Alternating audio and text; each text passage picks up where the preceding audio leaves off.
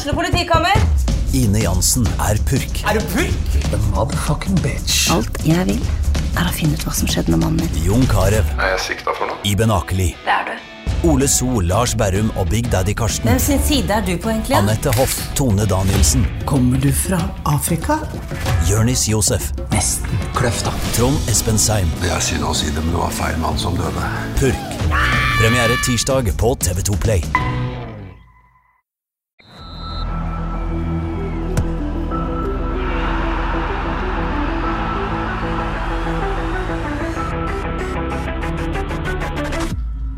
Hei og velkommen til episode 128 av Frels. Mitt navn er Terje Flateby. Velkommen Odd Kåre Grøtland. Tusen takk, Terje Flateby. Du, eh, Tottenham slo visst Leeds på lørdag. Går det bra med deg? Ja, ja, det går fint. Det var litt bittert. Eh, Dere var litt heldige, men OK, jeg, jeg lever med det. Det Ja. greit. Altså For de som eh, er lyttere av denne podkasten, vet at grunnen til at vi kommer ut en dag sent i, i denne uka, er jo at jeg faktisk var til stede på denne matchen. Det var jo grusomt i åtte minutter. Men så blir det et eller annet med det ekstasen. Johannes Dahl Husby, velkommen til deg òg. Tusen takk. Er med altså, utgangspunktet så ønsker man jo kanskje bare eh, Som, Tottenham-supporter, som alt kan skje, vet jeg, så ønsker jeg jo egentlig bare led 3-0 etter 30 minutter. Så, og selv da, som Tottenham-supporter, er du nervøs. 4-0, da begynner du å roe deg ned. Det skjer jo nesten aldri. Eh, det er jo det man drømmer om, for min del. Litt sånn flat, lang glede. Eh, men det, det er jo ingenting som er bedre enn ekstasen å snu en kamp siste sekund, minutter, liksom. Det er jo ikke det. Nei, det, altså det er jo eh, En skal lide litt for at en skal kunne glede seg skikkelig. Ja, men må man lide så mye? Nei, det var det. Er det virkelig det, nødvendig? ja, det er et godt spørsmål. Ja, Ja. Så, som Leeds-supporter vet jeg også veldig mye om dette. Ja. Det er, det er jo fælt i 85 av 90 minutter av den fotballkampen, liksom. Likevel så er det dette man, man utsetter seg sjøl for helt frivillig. Det er det der kicket når det til slutt går bra. Ja. Ja. Vil det si at du, du elsker Antonio Conte? Uh, ja, akkurat nå. det går litt opp og ned, men, men jeg, jeg er Team Conte. Jeg kan ikke si noe annet. Ja. Jeg, jeg skjønner reservasjonene, men jeg er der. Vi skal ikke diskutere det. Eh, Johannes Kjartan Øvstedal lurer på om du hadde en fin helg. Ja, Det hadde jeg. Ja. Eh, Sammen med han, eller? Ja. Ja. Kjartan Øvstedalen, eller Øvstedal, eller Øvstedalen. Kristoffer Rostad, og Alexander Skre, vi hadde et aldri så lite eh, Jeg vil si eh, For en gjeng! Ja, det er litt av en gjeng. Ja, Det er da mye kompetanse. Ja, det var et haugalandsk toppmøte. Det, ja. det syns vi sjøl iallfall. ja det skjønner jeg. Ja. Ja. Vi fikk diskutert eh, stort og smått. Verdensproblemer. Ikke så mange av dem egentlig, men noen av dem òg. Fint å si det. Fint å si det. Ja. Fint å si det. Ja. Men det som var clouet, er jo at denne godeste Kristoffer Frostad, han er jo en liten mastersjef. Så det ble Ja, det har jeg sett på Instagram. Han er veldig opptatt av mat. Ja, det, det liker jeg å se på. Han klager på min konto fordi det er ananas i egen juice, kaller han meg. Ja. Men du verden, hva han skryter av denne matlaginga si. det var han som var kokk, liksom. Han var kokk. Og uh, sto for drikkevarene òg, da? eller? For det må, Hans- hører vel til maten? Ja, det gjorde det. Ja. Men her, altså, her bidro Øvstedal noe. Han kom med en, en deilig hjort og en nydelig Amarone til. Oi, oi, oi. Her snakker vi klasse. Er det klasse? Klassefolk og klassemat, er det, Ja. er det sånn egentlig? Jeg hørte jo ikke hjemme i det selskapet på den måten, fordi jeg, altså jeg er fornøyd hvis jeg spiser spagetti og kjøttdeig og noe løk. Er Helt topp. Cola Zero, et glass med det. Men eh, ble det mest håndballprat eller fotballprat? Jeg registrerer jo at uh, Åkra er ubeseira i tredjedivisjon, med Kristoffer Frosa som trener. Stemmer ikke det? Det var første gang jeg hørte nå. så det, nei, da han eh, ikke våget han ta det opp, og det var, nest, det var ikke rom til Men så eh, mye. Kristoffer er jo som meg Tottenham-fan. Så dere Tottenham Leeds i denne lange helga? Ja, altså Nå er jo jeg notorisk eh, for sein. Jeg skulle komme der og se Tottenham-kampen, men jeg ante at det ville gå veien for Tottenham. Og Alexander Skre og Kristoffer Fostad er begge Ja, ja, også, spørsfolk, så det, det orka jeg egentlig ikke helt. Så jeg kom litt etter det, både meg og Du gikk glipp av ekstasen? Ja, så jeg kom klokka seks og, eh, og tok det derfra. Ja, En bra helg, i hvert fall. Veldig. Ja.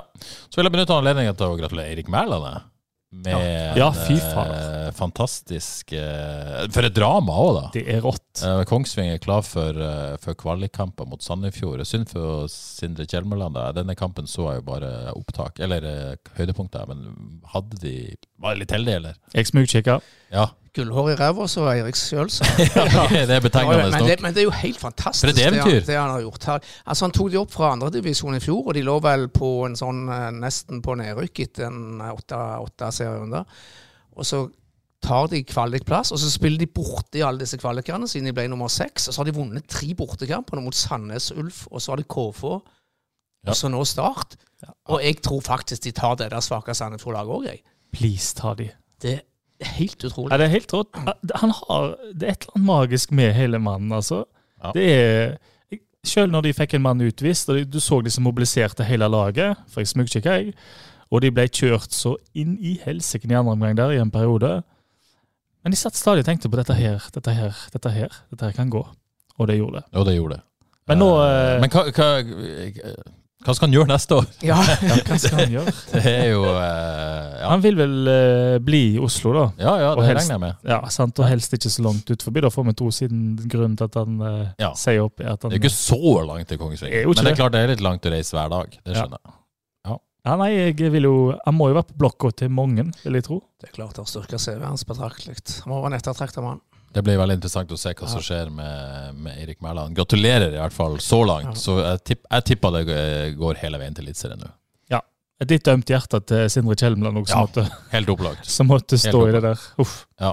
Blir tungt. Eh, men har jo hatt eh, Det går jo Pila peker jo i rett vei for han òg, gjør den ikke det? Ja, det, altså. Ja. De har vært bra, det òg. Så så, Så det er bra. Obos blir litt enklere neste år, tror jeg, uten Brann og, og Stabæk. Så det er alle muligheter for Start. Men vil ha Start i Eliteserien, Kristiansand. Vi har lova ei sesongoppsummering av FKH i dag, og det skal det bli. Eh, aller først eh, må vi likevel bare nevne eh, og snakke bitte litt om Avaldsnes. På lørdag, Odd Kåre, skal oi, det avgjøres. Eh, vi snakka om drama i kvalik. Det er kvalik på, på, hos damene òg. Avaldsnes eh, mot Øvrevoll Hosle, heter det vel. Eh, på, på Avaldsnes. Eh, 13.00 på lørdag. Eh, dra dit hvis du er interessert i sånt. Eh, kanskje uansett òg. Fotballdrama er jo sånn eller sånn som Johannes kom siste ti minuttene. Få med deg alt. Eh, hvis du ikke kan dra dit, så sender vi selvfølgelig kampen på havis.no. Vi starta til og med en halvtime før. Litt studio. Litt, eh, det blir meg og Kåre på TV. Eh, det, det, er jo, det må jo ses. Altså, nå vet jeg ikke hva jeg skal gjøre. Nei, nei, det er vanskelig. Du kan se oss på mobilen, da. Jeg vet hva, jeg tar turen, og så ser jeg på dere på mobilen. Det kan du. Det kan, eventuelt kan du snike deg bort til studio og bare se oss live.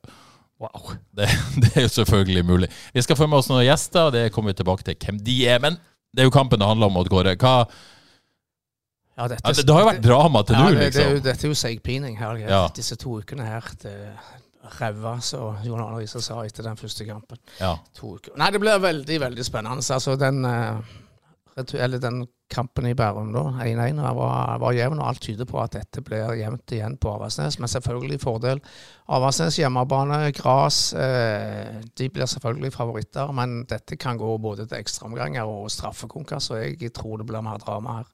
Du spår mer drama, rett og slett? Ja, men ja, jeg sa vel før første kampen 65 til Avaldsnes. Jeg er vel omtrent der fortsatt. Ja. Så favorittstempelet ligger, ligger Ja. på skeie. Så er det jo et spørsmål hvordan disse unge jentene takler dette, favorittstempelet. Men de begynner jo å få en viss rutine i disse ja. drama. Altså, ja, de, de, hadde, de hadde kniven på strupen mot, eh, mot Røa òg i den siste Ja, ja, ja. kampen der, og det takla de veldig bra. Så hvis de tar med seg det, så tror jeg dette går fint.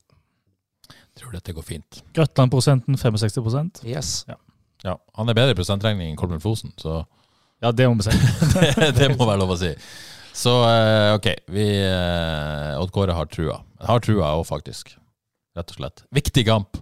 Det kan vel ikke understrekes. Ja, kjempeviktig. altså Hvis, eh, hvis, eh, hvis Avaldsnes rykker ned nå, så, så tror jeg at folk på, på min alder ikke får oppleve et toppserielag for kvinner her eh, på Haugaland. altså. Det er såpass? Ja, det er såpass. På din alder? Du er jo fortsatt en ung mann. Ja, ja, det, Men det er klart at Det det, nåløyet der er, begynner å bli lite. Og det krever satsing, og det krever penger. Det er vel, det er vel sånn at neste år så Ja, hvis ikke Avaldsnes er der, så er det bare Oslo, Bergen og Trondheim, er det ikke ja, det? det er det. Og sånn kommer det til å bli. Ja. Nei, det, er, det blir ekstremt spennende. 12.30 på havis.no, altså hvis du ikke kan dra til Avaldsnes. Eh, så må vi bare nevne denne kampen som ble spilt, det er også Sandefjord FKH. Det viktigste her er vel at det ble 2-2. Og de mista det i sluttminuttene, og Kristiansund rykka ned. Men eh, jeg tenkte, Nå må du være forbanna i Kristiansund, men, eh, men Johannes, de har vel bare seg sjøl å takke. Ja, de har jo det. Men eh, altså, de spiller jo på resultat, sant? så det, selv om jeg sier at de burde gått for det, Så det hadde vel vært fristende godt for resultat når du vet at Ja, for når det leder hører det 2-0. 2-0 der, og det er 85 minutter, da, da holder du på. Du går ikke frem og risikerer å slippe inn et mål, liksom. Jeg forstår det veldig godt at det skjedde. Så eh, Sånt er fotballen. Det er blytungt. De tok, eh, tok en sjanse på det, og det burde jo holdt. For guds skyld, alt eh, sjanser FKH kom til. Ja, for det var sånn at eh, Jeg må jo bare si, jeg har ikke sett denne kampen, jeg har bare sett høydepunktet. Jeg var tross alt i London. Men, Uh. men eh. Det burde vært 3-0, 4-0, 5-0, forstår forstår Ja, jeg. det, var, altså, det var klasseforskjell på, på lag, og divisjonsforskjell. Sandefjord framsto som et middelmådig Obos-lag. De var så svake, syns jeg. at det var, altså Jeg sa, når det ble 2-2 der, da må jeg si, innrømme jeg sa flaut hjemme i sofaen. Men, men det, altså, det er sånn som skjer i fotball. Men altså, FKH kunne og burde lede 5-0 når det var fem minutter igjen av den kampen. Ja. Vi skal komme tilbake til, til hva som må bli bedre med FK, men dette er vel en av de tingene som må bli bedre. Og det har jo egentlig blitt òg. Ja. De sleit jo lenge med disse her eh, mål imot i sluttminuttene i første halvdel. Og så har de egentlig klart å vridd det i motsatt favør andre halvdel, sånn at de har klart å sneke til seg poeng. Men, men hvis vi skal ta det allerede nå, Terje, hva de må bli bedre på altså, eh, De må bli bedre mot de dårlige. De har tatt ett poeng mot Sandefjord i år. De har tatt ett poeng mot HamKam. De har tapt borte mot Jerv. Det er fem pluss fem pluss tre. Det er 13 poeng, det, som de egentlig skulle og burde hatt. Hvor ville de vært med de 13 poengene? da? Det er et poeng. Det er et veldig godt poeng. Det er poeng. 13 poeng, faktisk. Og, det, Og det, og du har jo tall òg, Terje, har du ikke det, på Jo. hvordan det har gått her? Jo, vi skal, vi skal komme tilbake til det. Ja. Vi må ikke ødelegge sendeplanen min her. Men, eh, men eh, kjapt, er det Safari som er snakkisen sånn på positivt for FK sin del, eller? Eller er det andre å å trekke fram. Ja. Eh, altså Selvik eh, var bra i første omgang, for de hadde noen sjanser i første omgang. Andre omgang er det total overkjøring. Ja. Eh, Race får eh, altså magnetisk tiltrekningskraft på den ballen. Får hodet på alt, får en fot på alt. Terkel bra. Eh, Eskesen Safaris bra. Ja, ja. Jeg syns de spilte, spilte en god kamp i 85 minutter, og jeg syns jo Safaris var meget, meget bra. Altså Der var det skåring, det var målgivende, det var spilt igjennom. og nei, Han, han boltra seg og lekte seg. Det var veldig kjekt å se Safaris. Så fikk, eh, fikk man se Valstad eh, i, i Tore Pedersens eh, suspensjonsfravær. Viste han at han eh, kan bli mann å regne med i 2023, eller var det Nei, Nei. det gjorde han ikke. Nei, Rakk ikke vise det? Nei, det syns jeg ikke. Nei.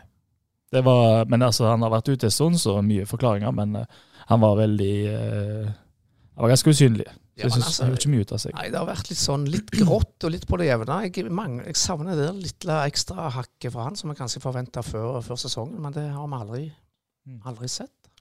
Han gjør, men han gjør jobben. Vi skal komme tilbake til han også. Eh, 2022 er da rett og slett eh, over FK endt på tiendeplass. Eh, hvis vi tar liksom, det, det litt sånn store spørsmålet før vi går inn i detaljene. Eh, Johannes, har dette vært et bra FK-år FKH-år, eller har det vært et dårlig FK-år? Mm. Ja, den er vanskelig egentlig, for du kan eh, tenke på det på mange ulike måter. Men eh, hvis dette var en, eh, en bok, eller en film, eller hva det nå er, en historie, så kan jeg ikke si at historien ikke ender godt. Det er en slags happy ending, da. Det er det, for sånn som det starta med Nå ordna det seg med, med økonomien sånn eh, litt før, men de fikk, eh, fikk ikke mer enn hanka inn noen spillere og tapte de fem første kampene, så det var jo begredelig. Men jeg tenker fra sommeren og ut, eh, og litt før det, så har jo egentlig det meste de har gjort, vært bra. De har fått et eh, kanonsalg i, eh, som de kan eh, sette i grønne haker ved. Nå har de solgt for skikkelige sum. Eh, lagt om stilen til å spille moderne, fin fotball, egentlig. Til, til tider, iallfall. Og resultatene har jo egentlig vært bra òg.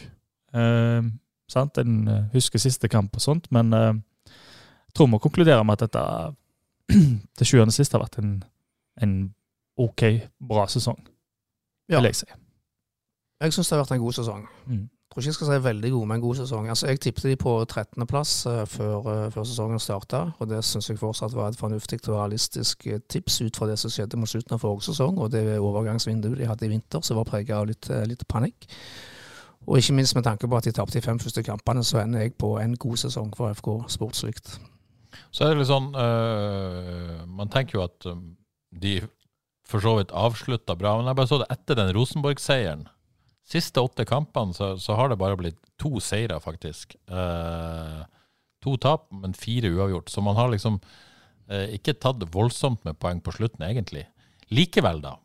Eh, Jeg, jeg syns det er interessant å se sesongen etter For jeg føler at eh, sesongen restarta litt etter det tapet mot Viking i Stavanger. Eh, da, da tok man på en måte telling, da, la om stilen litt før man la den om igjen senere. Men, men jeg føler at det var et sånn nytt tellepunkt. Og fra den kampen mot Kristiansund her eh, tidlig i mai eller slutten av april, var, så, så har man vært eh, rett og slett det åttende beste laget i Eliteserien. Det høres kanskje ikke sånn sjukt imponerende ut, men det er bare De har tatt to poeng færre enn Lillestrøm eh, i de 25 siste kampene.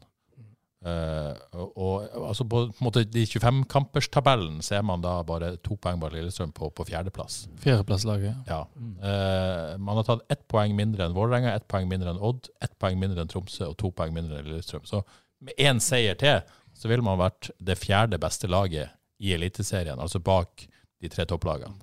Uh, fra de siste 25 kampene. Men, men, og, Og faktisk da, med, med, hvis de hadde vunnet mot Sandefjord, så hadde de vært A, det, likt med Lillestrøm som det fjerde beste laget i Eliteserien. Det, det syns jeg forteller ganske mye. Ja, vi, har jo snakket mye om denne snuoperasjonen, men den er jo Det er formidabel. den er formidabel og imponerende. Altså. Så det, det ja, veldig bra. Det er veldig eh, jeg røpe at du sa det, litt for sent, men Ja. det er veldig, veldig var litt sånn der eh, overraskende å høre de tallene der. For det er jo eh, Det sier jo virkelig sitt om hva de har klart å få til her. Og det til tross for at man bare har vunnet to av de siste åtte, liksom. Ja, sant? Altså det, det er et eller annet du sitter med følelsen av at det har jaggu ikke vært godt å slå FKH, iallfall. Det kan vi være enige om. Så kunne de ha knepet til seg enda noen flere poeng med istedenfor uavgjort. Det kunne blitt seire, men, eh, men oppsummert etter de fem Det er jo en god sesong, da. Det er jo god pluss, til og med. Ja, så skulle man jo på en måte ønske at tiendeplass er jo sånn eh, etter eh, forutsetningene, så er jo det bra. Mm. Men, men i utgangspunktet så ønsker man jo FK litt høyere på tabellen, da. Men det er jo bare marginer som gjør at man ikke blir nummer åtte. Ja. Og da har, kan man ikke ta noe. Så jeg syns det er på en måte urettferdig å bruke tiendeplassen mot dem på noe som helst vis. Eh, men Oddkar, du er inne på det. eh, God mot de gode. Men Ja. litt hjelpeløses hjelper òg. Ja, sånn føler jeg det har vært i eh, lenge, altså i, fl i flere år. Uh, så det, der har de fortsatt, uh, fortsatt en jobb å Men, gjøre. men er det på en måte Tror dere det er en mental greie, eller er det en taktisk utfordring? Uh, litt stort spørsmål, men uh, Jeg tror iallfall det er en taktisk utfordring òg, ja. Ehm, og det henger vel ofte sammen med det mentale òg, vil jeg si. Fordi at de trives jo kanskje litt bedre når de ikke må styre kampene så veldig sjøl. Og man kan si at uh, en styrte jo kampen fullstendig i går og burde vunnet 4-5-0. Og de, de kunne fint gjort det òg, tenker jeg. Så det er jo på en måte litt tilfeldigheter òg, da. Men eh, tradisjon, Det- tradisjonelt sett så er jo FKH bedre mot de ja, hvis du tenker utviklinga fra, fra man tapte poeng mot Jerv i sommer til Sandefjord nå, så er man blitt bedre mot de dårlige lagene, kanskje. At det, det er en positiv greie at man klarer å styre kamper bedre mot dårlige lag nå enn enn man gjorde eh, midtveis. da. mm. Ja, på bortekampen mot de er jo et skrekkeksempel, og der tror jeg det handla en god del om det mentale òg. De så ut som de hadde vunnet den kampen på forhånd. Det var Forferdelige forestillinger den der på Sørlandet. Ja, for det er et eller annet med, med på det ligger litt i FKH-sjela, det å like å slå underfra og være outsider. Og når man på en måte altså. snur den der, så er man ikke like god. Det Nei, handler det er vel kanskje om begge deler. Men det er liksom, det er vanskelig å ha helt rød tråd. ikke sant? De, eh, fordi etter de la om da med, eh, og spilte med, har spilt med tre, eh, tre bak, eller fem bak eh, Krüger var litt mer midtbane, kanskje, i eh, søndagskampen, vil jeg si. Det var en liten endring der, muligens. Um, men så har de jo egentlig jeg vil si de har fått mye bedre kontroll på kampene. sant? De slipper inn mindre mål. Sjelden de slipper inn eh, mer enn ett. Slipper stort sett inn ett. da. Um, og da har de fått kontroll egentlig både mot de store og de små. Um, og så har det vært det å skape, da. Stort sett så har det vært litt lettere å skape, føler jeg, da, mot de beste, fordi da kan de kontra. Eh, så er det litt vanskeligere mot de svake som ligger lavt, for da må de virkelig ha, eh, ha det der eh, spillet da, som de ikke alltid får til. Men som det har heva seg mye i år på det òg, vil jeg si. Men jeg hadde jo Sondre Liseth her i, i forrige uke. Han snakka om denne Fin episode. Jo, tusen takk. Eh, fin mann, rett og slett. Mm. Han snakka om denne kynismen eh, som, som eh, han må ha, som han har lært av Kristian Gauseth å snakke om. Det, det, der, det at man slipper inn ett mål i hver kamp, det at man mister sånne kamper som på søndag, der må man skru det til et knepp for å, for å Hvis man har holdt nullen noen flere ganger her, så hadde man bare rast oppover på tabellen. Det er noen, Man måtte ta det ett steg til, da, på et vis. Mm. Være enda mer eh, Ikke kynisk i spillestilen, men kanskje i, i hodet å ofre seg det lille enda mer, på et vis. Jeg syns de har vært eh, ganske bra til deg. Jeg tenker, Slipper de inn ett mål Jeg tenker at Det må en regne med, at de slipper inn ett mål. Altså hvis og Å å regne med å slippe inn ett og håpe på å skåre to, det tenker jeg som er utgangspunkt for en, for en fotballkamper, egentlig. Um, men siste kamp, der uh, var det litt tilbake til det der, da. Men du verden så uheldig og uflaks det der. Ja. Det er liksom ikke så mye konklusjoner å trekke ut av det heller, syns jeg. Hvis vi ser liksom på dette godt eller dårlig, eh, vi er ganske enige om utviklinga til fotballaget peker i rett retning. Absolutt. Hvis vi ser på en måte klubben som helhet, hva, hva, føler dere at det er en god vibe liksom akkurat nå? Ja, det skjedde jo noe når det falt på plass dette stadion, eh, stadionøkonomien. Ja. Eh, Det var helt, eh, helt tydelig det. Jeg er jo spent på, på regnskapstallene nå i 2022, men alt tyder jo på at de har økonomisk kontroll. Og jeg syns jo vi merker det òg på folk som jobber i klubben, på at de, de er ganske optimistiske og, og positive nå. Og vi har jo også sett eh, litt en tendens, eh, heldigvis, blant, blant publikum. Ja, for jeg, for jeg syns jo, altså, synes jo Martin Fausgangen fremstår offensiv og bra, og så er det jo på en måte, må vi få se tallene sånn ordentlig, men, men det fremstår jo ut som det går bra. Mm. Uh, Jeg syns det er kjempeflyt, jeg. ja, det der det jeg mener, at, at, at, at det virker som det er en positiv stemning. Fra Både rundt klubben fra sommeren av, eh, og Nordavinden og har hjulpet Mm. på det. Måkeberget har løfta seg. Eh, bare ser den gjengen på tribunen også mot Sandefjord med ganske mye folk og pyro og full pakke. At det virker Mm. som det, måtte, det, det har skjedd noe. Ja, for som Etter det der kanonsalget av Badou, så syns jeg egentlig det meste har gått veien. Fausking har fått en kjempestart. Veldig synlig, veldig positiv, veldig eh, eh, interaktiv etter det lenger. Eller iallfall eh, Til stede på sosiale medier, mener du? eller? Interaktiv, det er bra. er sånn der, eh, det gammelt eh, EDB-språk. Mhm. Men ja, sant. Men det er og- mange gamle lyttere. altså. Det er jo det. Og så har du de supporter, den nye supportergjengen, Nordavinden, som tar opp kampen og, og løfter hverandre sammen med Måkebergen, som du sier.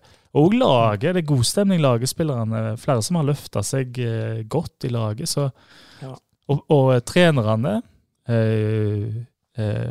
alle sammen egentlig, de har jo stått sammen om å endre stil to ganger i løpet av sesongen. Og fått det skikkelig opp, eh, opp på stell. Så eh, Så vil jeg tro at Det er mye pluss. eh, Mye pluss. Et, et 16-årslag som er best i Norge, Ja, med tanke på framtida. Ikke glem det. To nye proffkontrakter, eller ikke nye, en forlenga proffkontrakt og en ny proffkontrakt siste uka på, på ungguttene.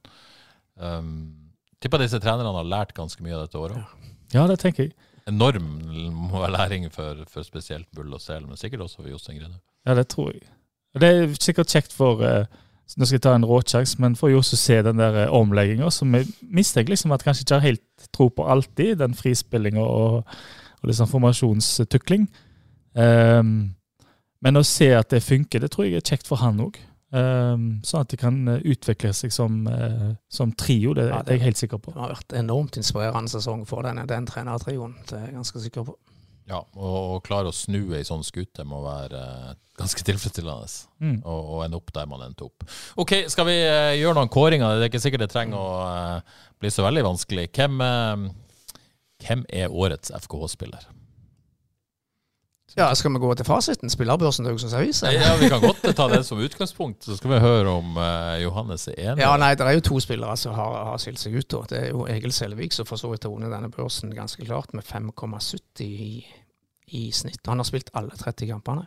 Og så er det selvfølgelig da Safaris. Han har da 5,34 på 29 kamper. Og jeg, alle er vel enige om at de to har vært de to, eh, to beste FKH-spillerne i år. Ja, det, Og jeg, jeg, ja. ja, jeg kan jo òg si sjøl at jeg syns kanskje Egil fortjener den, den tittelen. Så Som årsspiller har han vært veldig, veldig veldig solid og stabil. Og nå, nå har han fått en fortjent landslagsplass. Det var veldig veldig gøy. Så vil jeg, på landslaget, så, ja, han. Så, så vil jeg òg si at ja, og gratulerer, Egil. En gang Ja, til. fy flate. By. så vil jeg også si at eh, jeg syns kanskje keeperne av og til konkurrerer i en egen kategori i disse børsgreiene. Jeg syns ofte de får litt, litt billige poeng. Mm. at de får noen gratispoeng. Det er to gode redninger, så er de garantert seks eller syv. Men, eh, men, for, men for all del, fullt fortjent. Egil Selvik, årets spiller, godt uh, fulgt av Christ, en meget god Christos. Ja, du har Selvik én, du følger børsen på et vis. Ja, en- det, jeg gjør. Selvik, to Safaris. Det er vel ingen andre kandidater enn de to, Johannes? Eller har du en outsider her? Nei, jeg har ikke det. Um, det er de to. Um, og Selvik altså Jeg du ser noen sånne s- kommentarer på Twitter fra andre supportere fra andre lag og sånt. Snakker litt om at de oser et eller annet av han. Og da har du gjort det Mm. bra over tid, tenker jeg. Da har du jo vært solid og knapt noen tabber. Litt uheldige bort på Rosenborg, ellers er det bånnsolid. Så, eh, og landslagsplass plass. FK Haugesund har landslagsspiller, Ja. så det er jo helt rått. Um, på tross av det så syns jeg jo at eh, det Safaris har gjort Han er 19 år og bare kom eh, inn i laget. Og jeg vil si i mange kamper er den som sørger for at FKH holder seg inne i kampen og, og snur ting. Så um, det er ufattelig krevende å få til det Safaris uh, har fått til, syns jeg.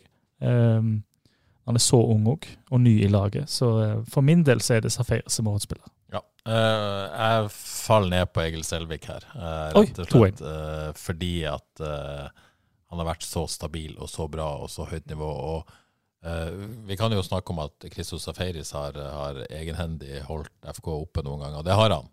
Men det har jammen Egil Selvik gjort, og holdt de inne i kamper som de ellers ville ha tapt eller, eh, eller ikke, ikke klart uavgjort. i. Sånn at uh, han har vært matchvinner, spesielt i høst, i flere kamper. Uh, Så for meg er han årets spiller, men, men Safaris er close. Uh, Men vært, hadde no, hatt noen sånn ujevne perioder der han naturlig nok, vil jeg si, som eh, 19-åring eh, har følt at han har vært litt off. Eh, Må jo ha vært en, en tøff sesong både, både mentalt og, og fysisk, selv om han måtte er 19 år og har eh, kropp så det holder, men, men eh, det er klart at eh, han er ny på nivå. Det skulle man ikke tro, da, for så vidt, men, men naturlig hvis han, eh, hvis han har vært sliten i perioder. En, en, en liten down, men allikevel utrolig stabil til å Ja, være helt, 19 år. ja, ja, ja, helt vanvittig. Så det, det er jo bare for å plukke noe som gjør at han ikke er årets spiller. så Det det er jo egentlig bare det vi snakker om. Det, det, det, det er ti av ti uansett. nesten.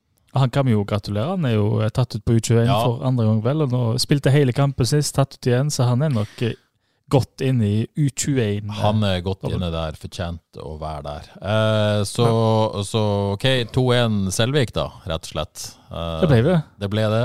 Eh, årets unge spiller, derimot, hvis vi skal kåle det, er ikke så vanskelig. Nei, det. Nei, det, det er Den er jo eh, Den trenger vi ikke diskutere. Um, Men i jeg bare nevner Kevin Martin Krüger er bare 21 år. ja, Ja. Så, så det er klart at uh, han er lett å tenke at han er 24 eller 25 Mm. fordi at han har vært med oss så lenge. Men, uh, men uh, å, å spille som en, en mer rutinert spiller. Ja, For jeg som har Safere som årets spiller, da gir jeg årets unge til Krüger. Du gjør det, ja? Ja, Ja, det går an, det. Ja, det går an, siden du uh, har det. Mm. Hva, hva er aldersgrensa for ung spiller nå til dags? Ja, det det? I England så er det sånn 24. Eller? Ja, det virker det, sånn. det er jo ikke greit. Skal vi sette han på 21, eldste? Hvor gammel er er ikke han 22? Han har Ok, 22, da. Så da setter han på 22, for den saks skyld. U21 er jo et uttrykk. Ja. Det er det. Men Ja. den får være med. Det kunne blitt tatt ut Ja, på Krüger 21-landslaget. kunne blitt tatt ut på 21, ja. ja. Mm. Og han burde vært, ifølge det, har jeg sett på Twitter. Ja, det syns jeg. Når du ser den der Det eh, er ikke imponerende på stoppeplass. Nei, Altså. hjelpe meg. Kolskogen driver og vaser rundt der. Da er det bare å få inn Krüger i, inn, i en fart. Ja. Men kan jeg, altså Bertelsen Krüger, jeg vet ikke hvem som skal ta han helt det, men det, Nei. du har to Ja. Til Krüger. Det er bra. Uh, er det vits å diskutere årets gjennombrudd, liksom? Ja, jeg har Eh, tre stykk. Ja, har det er faktisk flere. Få hør, få høre. Det er jo et av de gode, gode tingene med, med, med, med FK i år. Jeg syns de har fått mye ut av mange spillere. Ja. Mer enn vi kanskje kunne Men forvente. eh, kanskje vi skulle tatt årets overraskelse først, da? Ja, altså, det er jo Mats Berg Sande. Ja, det, det mener jeg òg. Han, han, han hadde jo med, og alle andre avskrevet. Ja. Mm. Han har var jo på en måte inne i elveren hele oppkjøringa. Alle Ja. bare venta på at eh, FK skulle kjøpe nye spillere, sånn at han kunne gå ut. Og så har han bare holdt plassen, egentlig. Mm. Nei, det, jeg, jeg vet hva jeg har eh, Jeg har, eh, vi har forberedt litt, grann, da. Ja. og jeg er helt, hvis det er spiller, helt klart Mats Berg Sande. Jeg har tatt en uh, liten annen ting, jeg. Ja. Det må jeg si. FK sitt lille formasjonstriks med Krüger som eh, Ja, dropper ja, ned som stopper. Det Ja. var, uh, den så jeg ikke komme. det, det, det har jeg på årets overraskelse. Ja, det er vel, ja. 3-1-6-formasjonen, som jeg har. ja, ja, ja. Og så, som jeg Krüger gjør som en slags libero. Det, det var kult og veldig overraskende, Mm. og det var en suksess. Men Mats Sande, etter at han var Jeg snakka jo med Tore Pedersen her i forrige uke angående hans situasjon, og så sa han Nå kommer jeg til å bare si kjedelige ting, det blir ikke noe Mats Sande-nivå på sitatene mine. Så han har jo på en måte satt eh, den nye malen for eh, hvordan man skal uttale seg. Eh, etter at han var litt eh, kul eh, og sa at han skulle vente og kanskje han skåret litt flere mål før sesongen, og sånn og sånn, før han fikk ny kontrakt, så, så har det ikke gått så bra. Nei. Det må jeg lov å si. Han har litt dårlig, dårlig avslutning på sesongen. Ja, han var ikke bra på søndag. Nei. Men uh, han er en av tre jeg har på årets gjennombrudd, definitivt. da. La oss ta årets gjennombrudd. Ja, Det er jo Safaris, da. Ja. Og Mats Berg Sande.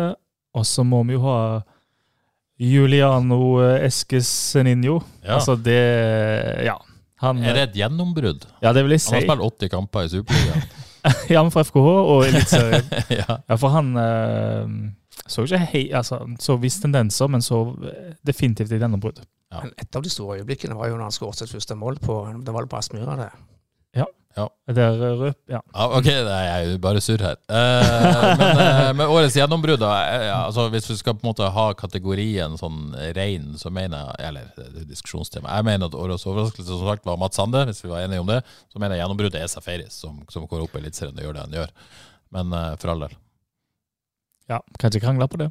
Nei, Nei. kanskje det. Ok, hvis vi skal gå uh, kåre et årets øyeblikk, da. eh, Johannes Eller Kåre, du var inne på det. Ja, jeg har nevnt uh, skåringen til Eskesen borte mot Bodø-Glimt. For en veldig bra bortekamp med FK. Men øyeblikket for meg uh, er jo uh, et uh, snaut to minutters spill hjemme mot eh, Kristiansund, hvor FKH etter sterke anbefalinger fra undertegnede gikk over til å spille med to Gikk over til å spille med to spisser og mindre enn to minutter. Badou til Søder 1-0. Ja, De vinner må- kampen 2-0. Det er øyeblikket for meg denne sesongen. Jeg må si at jeg har det, jeg òg. Altså, det, det, det er på en måte ett minutt etter det. Ja. Ja. Jeg, jeg, jeg, tror, jeg sjekka det på NIFS, det sto, sto ett minutt. Ja, okay, ja. Skåringa kom. Altså innen, innen 60 sekunder, faktisk. Eh, at, at, og det er på en måte vendepunktet, på et vis. Ja. Eh, og etter det så har det stort sett gått ganske greit. Kan absolutt støtte den. Jeg har, eh, jeg har gått for noe annet. Ja. Først, Et spørsmål først. Hvor, eh, hvor lenge kan et øyeblikk vare? Jeg ble litt sånn usikker på definisjonen der. Nei, det, det skal du få lov å definere sjøl, Kan vi si 90 minutter? To timer? Selvfølgelig. selvfølgelig. Okay. Alt for deg. Jeg, eh, jeg har lyst til å trekke frem en kamp, jeg, da. Og det var Hima mot Rosenborg. Da var det liksom eh, flomlys, det var supportere som hoia. Det var helt sånn magisk stemning på stadion. Og det var ikke liksom eh, Si det 3500 til vanlig, kanskje, det var, og da var det litt over 4000. Og de, de 500 ekstra, eller hva det var, kanskje litt mer enn det òg, det gjorde noe med hele stadion. Eh, så det fantastisk stemning. Og det som skjedde ute på banen, det snudde jo kampen da, fra 0-1 til 2-1 med fine mål fra eh, Safaris. Kom ikke på det andre, men jeg vil si, og, og med den seieren, så syns, følte jeg at da sikra FKH plassen òg etter en forferdelig sesong. Så på en måte ble hele de greiene der ble eh, litt sånn øyeblikk etter Den kampen. kvelden, liksom. Ja, jeg tror jeg ble jeg tror rett og slett meg veldig rørt etter den kampen. For da var det sånn der OK, dette her, det gikk bra. Jeg fikk du litt sånn fornya tro på nye FK på et vis? Ja, da? det gjorde jeg. Mm. Det var, så for meg var det øyeblikket. da. Ja, det er fint. Apropos lange øyeblikk, jeg har notert meg hjemmeseier mot Rosenborg og Viking. Det er jo greit å ta med seg i løpet av en sesong. Det er ikke feil å ta med. Ok, eh, neste kategori. Eh, årets mål. Ja, jeg gikk for Eskesen der. Du gikk for Eskesen der, ja. Ja, rett På og slett. grunn av da, holdt på å si, øyeblikket. Jeg gikk amok, jeg, når han eh, Ja. Men, men ikke fordi det var det fineste målet, Nei, men, det var- eh, fordi det var, det, var, ja, det var helt rått. Jeg tror, altså ja, jeg var vel innstroduksjon i går. Det var bare Nei, det var euforisk, rett og slett. Ikke, det kunne vært så stygt som bare det. Det er årets mål for meg. Det er, du Få vekk det full i brassesparket. følelser, Johannes. Full i følelser. Ja, rett og slett. Er. Du er følelsesstyrt, det liker jeg. Jeg er litt gåsehud her i studio, faktisk. Eh, vi er litt mer kyniske, Kåre. Ja, litt følelsesstyrt, jeg òg. Jeg, jeg har notert tre stykker. To av de er veldig, veldig fine. Og det tredje er litt mer sånn går på kvalitet. Ja. Kjør på. Skal jeg kjøre på? Ja. Eh, Du selvfølgelig Mats eh, Sandes eh, brassespark hjemme mot eh, Sarpsborg 08. Fantastisk. Bare det å finne på det. Utførelsen òg, til seks på terningen. Eh, så er det selvfølgelig Bruno Leite sitt eh, Mm. utrolige treff hjemme mot Vålerenga. Med ødelagt hamstring. Med ødelagt hamstring, og så har han jo i alle år konkurrert mot uh, Balagarba om å ha FK sin dårligste skuddfot, og så treffer han, treffer han plutselig sånn. Det var helt uvirkelig. Håper Bruno blir med videre, Ja. når det er sagt. Og så er det den siste jeg har notert. Safaris mot Rosenborg. Først en fantastisk pasning fra Kevin Martin Krüger, Mm. som han har hatt flere av i år. Så treffer uh, Safaris i bakrom, hvor han har en i ryggen. Fantastisk teknikk og kontroll og avslutning. Klasseskåring. Det der er gode ord. Det er gode ord, rett og slett. Eh, For min del, hvis det på skal være litt sånn rein og si hva er det fineste målet FK har skåra i år, så, så i hvert fall avslutningsmessig så holder jeg en knapp på Mats Sande-målet. Altså den prestasjonen og, og brasten i mål. Men, men, eh, men jeg skjønner, styrt av andre ting, så Julius Eskesen er høyt. Men eh, det er vel de der. Jeg vet ikke om vi trenger å kåre et mål engang. La oss nå ha de, ha de her. Um, før uh, Roar, Roar Brakstad spør om årets enkeltprestasjon. Er det noen som har noe der? Ja, jeg nevnte denne skåringen til Safaris. Eh, det han gjorde etter han fikk den pasningen fra Krüger, det syns jeg var meget, meget høy klasse. Så har vi selvfølgelig brassespark òg, som han har nevnt her. Jeg er veldig selektiv i hukommelse, så jeg er ikke så god på sånt. Nei, eh, nei det er veldig Men Mads Andres skåring er jo en god enkeltprestasjon. det er veldig, For meg som gikk for Eskesen på årets Ja. mål, så er det veldig ja, Jeg har i hvert fall notert Sande, for det var jo Det var heftig. Det har vi ikke sett på en stund, syns jeg. Den, der, den type mål. Brassparkmål på FK. Og så vil jeg gi Jeg har bare lyst til å gi litt honorable mentions til egentlig to stykker som egentlig ikke passer inn i en kategori. Men uh, hvis vi hadde hatt en årets viktigste kategori, så tror jeg Søder hadde kommet høyt opp der. Mm. Som, uh, som eh, rutinert både på en måte på og utafor banen. Jeg tror han er ekstremt viktig for dette laget i begge henseende. FK er et helt annet lag når han er på banen. Mm. Uh, og selv om ikke han nødvendigvis uh, skinner alltid, så enorm tilstedeværelse både i, i, i det presspillet og også det at han holder opp og, og eh, skaper rom for andre og spiller opp andre. og i det hele tatt eh, ja, enormt viktig, rett og slett. Det er jeg helt enig med. Også på banen som, som den rutinerte spilleren. og jeg tror han, eh, Hver gang jeg snakker med folk, så ja, jeg snakker litt med Søder. Ja, ja, han, er, han er viktig mentalt òg, tror jeg. Ja, han, helt han, fantastisk. han er en av de jeg har notert så FK har fått mye ut av i år, og det er kanskje mest hans egen fortjeneste. Ja, han, veld, eh, veldig imponerende sesong av Søder. Ja, og den, den, jeg synes det er så kult sånn han er nå på slutten. Han skal liksom, Nå har han begynt å tenke på neste år, og da skal det liksom, det skal smelle så sjukt til neste år. Han skal holde oppe. og eh, Det kan fort bli neste sesong i hans siste, og da, liksom, da skal det virkelig smelle. Så det er enorm innstilling, rett og slett. Det er deilig å se henne på der. Ja, Når han spurte det, så sier Ja, ja. av og til tenker jeg det der må gjøre vondt i hele kroppen. Ikke sant? Men uh, han, uh, han gir seg aldri. Og, og vi, kanskje vi er jo litt slemme òg, da. Altså, Nå kjenner jeg litt følelser, faktisk. For det, det, det, ja. altså, ja. Han, han holder jeg høyt, altså. Ja, nå Ja, har det vi- gjør jo. nå har snakket om Selvik og Safire som det kanskje de beste, beste spillerne i år, men jeg tror faktisk Søder har vært den viktigste med totalpakken. Altså. Ja. Ja. Ja, det er med, godt med, med tilstedeværelsen sin. Ja, for den jobben der alene på topp, den er blytung. Eh, og hvis, altså, vi er litt slemme fordi en håper jo kanskje på den spissen da, som skårer over tid, eller hva det er.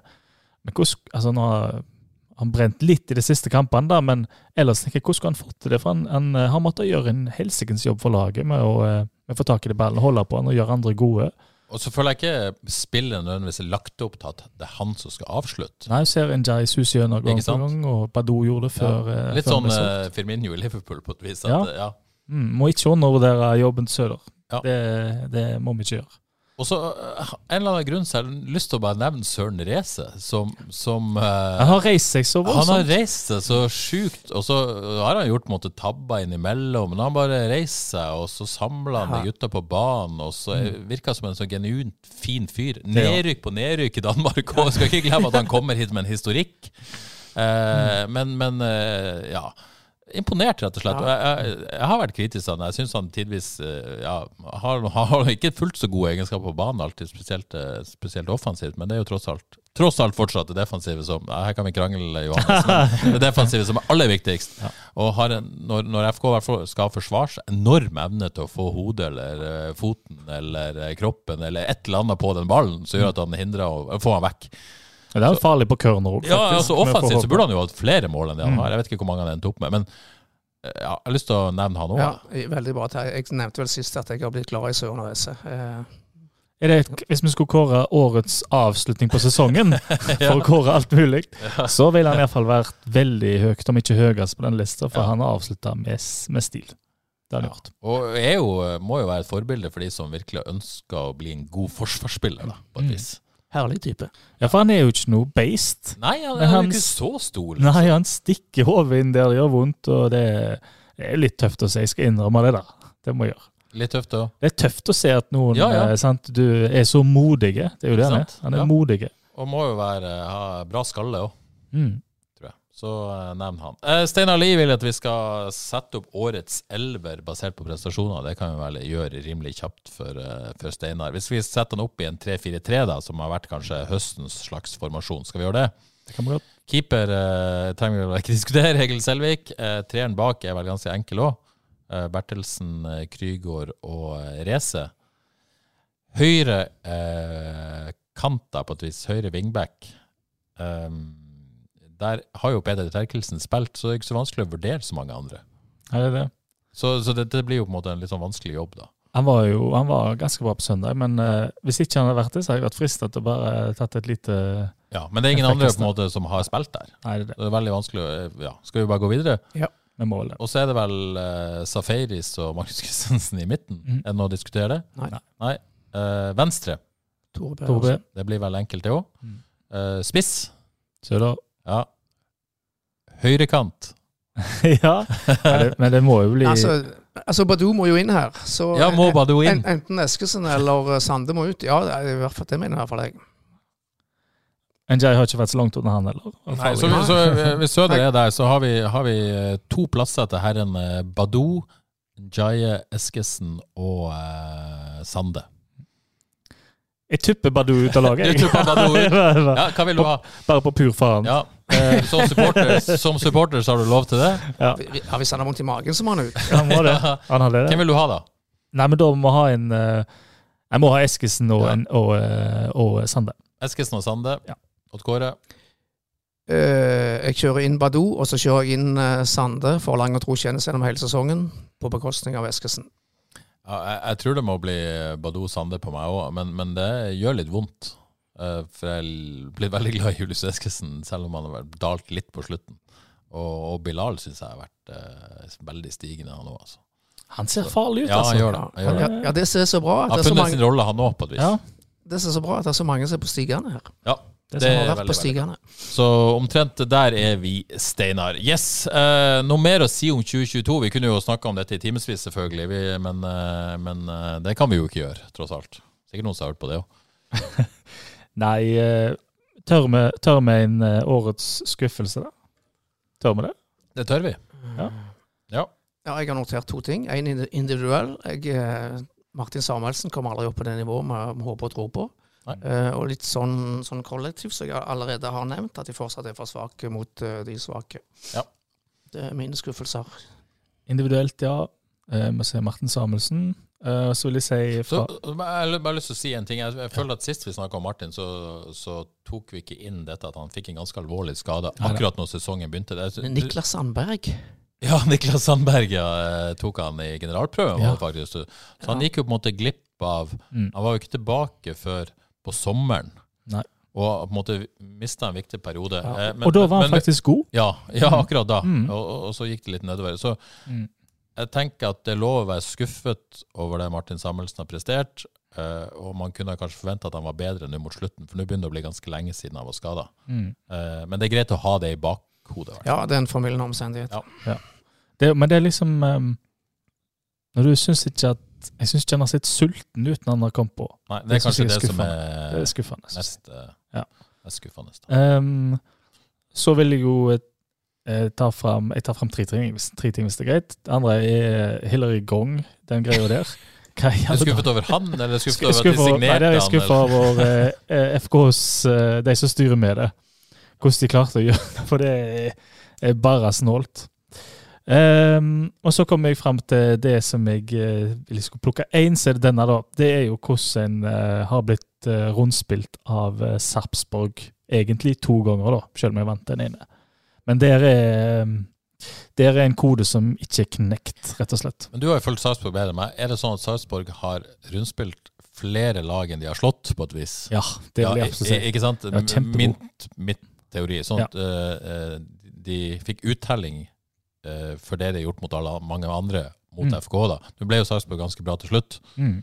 Eh, men, Jo. men det er et, eh, et godt lag som kanskje er enda bedre enn det tabellposisjonen til slutt viste. da. Det vil jeg si. Absolutt. Det er jo Med bedre forsvarsspillere så hadde de sikkert vært helt i, helt i toppen, vil jeg Ja. si. Så det, det, jeg ser poenget ditt, det må med det. Men kun med FKH Øygård, det er jo kun det jeg tenker så på. Så sjukt rundspilt de var når de vant hjemme òg. Ja, de ble det. Helt enormt. Så det er, ja, de det er rundspilt i to kamper, rett og slett.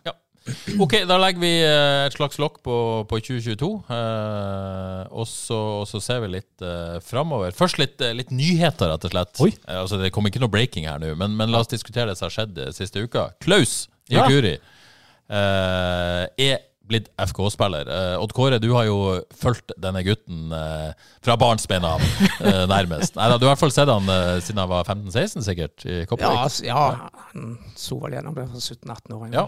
Nei, ve- veldig, veldig kjekt. Og jeg mener òg den selvfølge at FKH skal signere disse aller beste, beste lokale spillerne, spesielt når du er såpass god som Klaus har vært. Han, han har rett og slett blitt for god for andre divisjoner, og det blir veldig spennende å følge han i, eh, framover i FKH.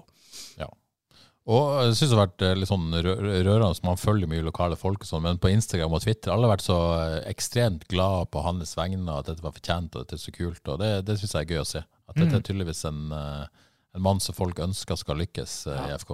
En fin fyr med en enorm fysikk. Ja. Og veldig, veldig rask. Så får vi Ja. se hvor langt det rekker. Har du trua, Johannes? Jeg gleder meg veldig, iallfall. Um, jeg, s- er ikke trua? jo. Han slår meg som en livlig type, som, men egentlig ydmyk. da, Når du leser eh, i avis, så kan han svare sånn OK fart, OK fysikk. Eh, jeg tror han har lyst til å svare enda mer innerst inne. da. Eh, det som er kult med det, er jo at utenom at han er lokal, og at han har gått veien, sant? Akkurat sånn vei som du har lyst til at det skal gå, um, det er jo at en ikke helt tak, tak er ikke helt lett å se. Fordi at uh, med den X-faktoren han har, én mot én, sant Jeg tror ikke det er mange som får liksom uh, rista av seg han. Uh, så der er han helt ekstrem. Jeg, jeg tror ikke det er noen av forsvarsspillerne som som er helt er like bra som han der. Men det vet du ikke helt, sant? de er jo Eliteserien, og han har vært i andredivisjon, så gudene vet. Så det blir spennende å se. Og så har han jo òg i andredivisjon ferdigheter med ball, da, faktisk. Å gå forbi ledd og slå pasninger gjennom ledd. Um, altså Det blir veldig kult å se. Så Fireårskontrakt, det var ikke småtteri heller. De uh, var litt overraskende, det, da, men uh, Men det, det, det sa vel uh, Eirik Opedal i et intervju med meg i høst, at de hadde gått over til fireårskontrakter nå, for, for spillere brukte ett til ett og et halvt år før de på en måte var konkurransedyktige, og så brukte du ett år på å bli et godt salgsobjekt, for Mm. da. Så, så, og da, hvis de bare signerer treårskontrakter, så har de bare et halvt år igjen, da. Ja. Og da, det gir noe med verdien. Så hvis de virkelig har tro på Klaus nå, så ser de for seg at han kan kanskje bli et salgsobjekt om to og et halvt år, eller noe sånt. Og da har de ett og et halvt år og sikra seg på en måte verdien videre, da. Så det, det er vel det som er tenkt. Men Ja. det viser jo at de tror på han, da. Ja, fordi eh, for å liksom jeg, eh, jeg er med på filosofien deres der, men mm, hvis den skal brukes hver gang, så kan det jo slå uheldig ut, sant? hvis det er noen som en er usikre på. Ja, for de det må sa jo- de må- Badou var de så usikre på at han signerte de bare tre. Det var Ja. gøy å høre. Ja, Ja. Altså de, Med den filosofien så blir de nødt til å tro skikkelig eh, på Klaus Njukuriog. Så eh, jeg er veldig spent på hva chan hvor mye sjanser han får neste år, det må jeg si. Ja, Og det handler jo også, kanskje, vi kommer tilbake til det, men, men hvilken type altså, formasjon, da. Ja, det formasjon blir blir jo mindre og mindre viktig i dette spillet, men, eh, men likevel, hvor, hvor mange stoppere skal man faktisk ha på banen? Hvis de skal ha tre, så er det jo ofte Eller det har kanskje ikke så mye å si, når jeg tenker meg om. Fordi, eh, Jeg tenker i hvert fall, Hvis de skal tørre å stå mann-mann bak, f.eks., så, er- ja. ja, sant? Så er jo han Du løper ikke fra han. Du Men løper ikke fra Krüger heller, sant? så da tror du ikke løper fra. Vi skal diskutere det, men, men naturlig å diskutere Klaus nå. Men det er vel egentlig eh, jeg, jeg, tror jo det er eh, veldig optimistisk å tro at, at uh, han skal være en starter i Eliteserien neste år. Ja, ja. Det, Altså bare, hvis, hvis noen skulle være i tvil om det, at Mm. vi er enige om at, at, at han, han i utgangspunktet er en utfordrerposisjon Ja, og vil, vil få noen sjanser, forhåpentligvis. da. Ja. Så synes Å være backup-stopper i år én. Ja, helt klart. Så syns jeg vi skal nevne at dette viser òg at det er veldig viktig å ha dette Vard-laget i andredivisjon. Ja, det er et godt poeng. Mm. Og det er bra at det gikk bra. Uh, gratulerer til Vard òg, som har utvikla Og Kopervik, for så vidt, som Ja. utvikla nok en eliteseriespiller. Uh, så uh, kom jo også et, Skjedde det? Snakka vi om Troy Engstedt Nyhammer forrige gang? Går det Det- surrer her. Jeg husker ikke, heller. Jeg husker ikke heller. Anyway, han har i hvert fall tatt opp i Asdalen. eh, Jeg må jo bare innrømme, jeg har ikke sett eh, denne gutten så mange. Det er dere som ser FK2. Hva, hva har folk eh, i vente her? Jeg må innrømme, jeg har ikke sett så mye på han jeg heller, men det er en, en liten tekniker eh, som er veldig god i, i mellomrommet, sier de. Ja, Jeg har fått sett han litt. Det Du legger merke til ham med en gang, fordi at han har eh, Du sier folk er gode med ballen og den slags, sant, tekniske, men han ser du Oi, han har eh, Det er enda litt mer her. Han ser helt fantastisk ut tidvis når han eh, får den ballen. Så eh, med ballen i beina der tror jeg eh, Der ser han sånn wow-aktig ut. Ja, for det, Jeg snakka med litt folk nå når han signerte det, at- og han har jo vært på trening i det siste, det at sånn teknisk og, og ballbehandlingsmessig så er han null stress. Han går rett inn på nivået. Ja, Ingen jeg. problem. Mm. Han, han, og han går midt, sånn, cirka midt inn i gruppa. Mm. Han er ikke på lavere nivå, liksom, der, ja. i, i den eliteseriegruppa. Men det er klart han har jo noe å gå på taktisk og fysisk og alt det der, men det er jo det letteste å, å lære, vil jeg påstå, da. Ja, det kom, kommer bare vel bare å bli eldrog, sant? Men, Ja. det, nei, men det, jeg legger merke til det. Det er, det er noe ekstra der. Noe jeg, jeg vil nesten si jeg har ikke helt sett det før eh, i FKH. Ja. Noen som kommer med den teknikken. Snakka med Øyvind Humpland eh, om han eh, alt, mye involvert i mål og målpoeng. Ja, så jo også, til, til og med på landslaget og, og selvfølgelig, ja, på landslag òg. Mm. fast invitar selvfølgelig på aldersbestemt til landslag. Kult. Ja, Veldig kult. Veldig spennende å se hva som skjer der. Og så, og så signerte jo også eh, FKH eh, sambygding. Eh, Pål Engseth eh, Li på proffkontrakt i går, var det vel? Og går var det ikke det? Den eh, nyheten kom. Den kom mandag ettermiddag, ja. Eh, Stemmer. Ett år yngre enn en Troy fra Bremnes. Han òg. Bremnes, altså. Hva skal man si? Eh, fantastisk. Eh, 15-åring. eh, ble beskrevet rett og slett som en knallgod forsvarsspiller. Som, eh, jeg vet ikke om noen av dere har sett han. Han har jeg ikke sett. Nei. Han har spilt litt for FK2, men ikke så mye. Mm. Men, eh, men det som er gøy, er disse to er søskenbarn. Er det det? Yes, det er de. Eh, har eh, to, mødre, to mødre som er søsken. Eh, så her, her, her, eh, skal noen overtales til å stille opp på en sak en gang. så det er tydeligvis eh, bra gener der. Eh, så, så hadde jo Nettavisen en liten greie om han islendingen. Uh, Setter jo litt på samme opplysninger. At det skjer jo noe der, kanskje. Mm. Han eh, Haldorsson, som eh, har spilt venstrekant i, eh, i, på nivå to i Island, og bøtta inn mål der. Men det er ikke 17 mål på 19 kamper, eller var 19 mål på Fra- 17 kamper? Noe helt Fra venstre fra venstrekant, tror jeg. Så uh, spennende å følge med på den, om de klarer å dra den i land, og om han uh, blir en FK-spiller i 2023. Høres veldig rett ut, da, det der. Tallene. og litt, jeg jeg liker, det, liker det godt at de prøver seg litt på Island òg. Det er gøy, det. Det er litt sånn trend begynner å bli, tror jeg. Digg med en god islending. Ja. Aldri feil, det. Er det sant? Er det ikke sant? det må være sant. Jeg er stoler på deg. Jeg stoler på oss. Stoler på.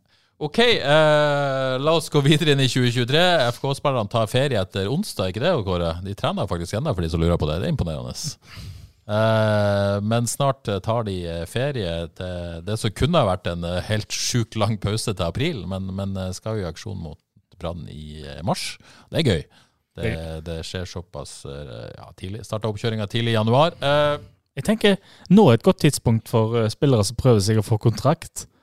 Når de som har spilt en hel sesong, går på trening og er litt sånn halvleie, da er det bare å sørge for prøvespill etter sesongen, og så kan du virkelig dominere på trening. Gun på i desember. Det var vel sånn Søder eh, kom seg inn og hjulte opp alt som var av eh, midtstopper på trening etter sesongen var slutt. Ja, hvis du er kontraktsløs og, eller uh, lavere divisjoner og har lyst på noen prøvespill, så er januar uh, Hold deg i formen desember.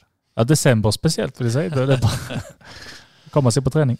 Men vi har jo snakka om, om hva som må bli bedre. Skal vi si noe mer om det, eller? Det, det, her kan man jo uh, gå langt, selvfølgelig, men ja, vi har vært innom det viktigste, kanskje.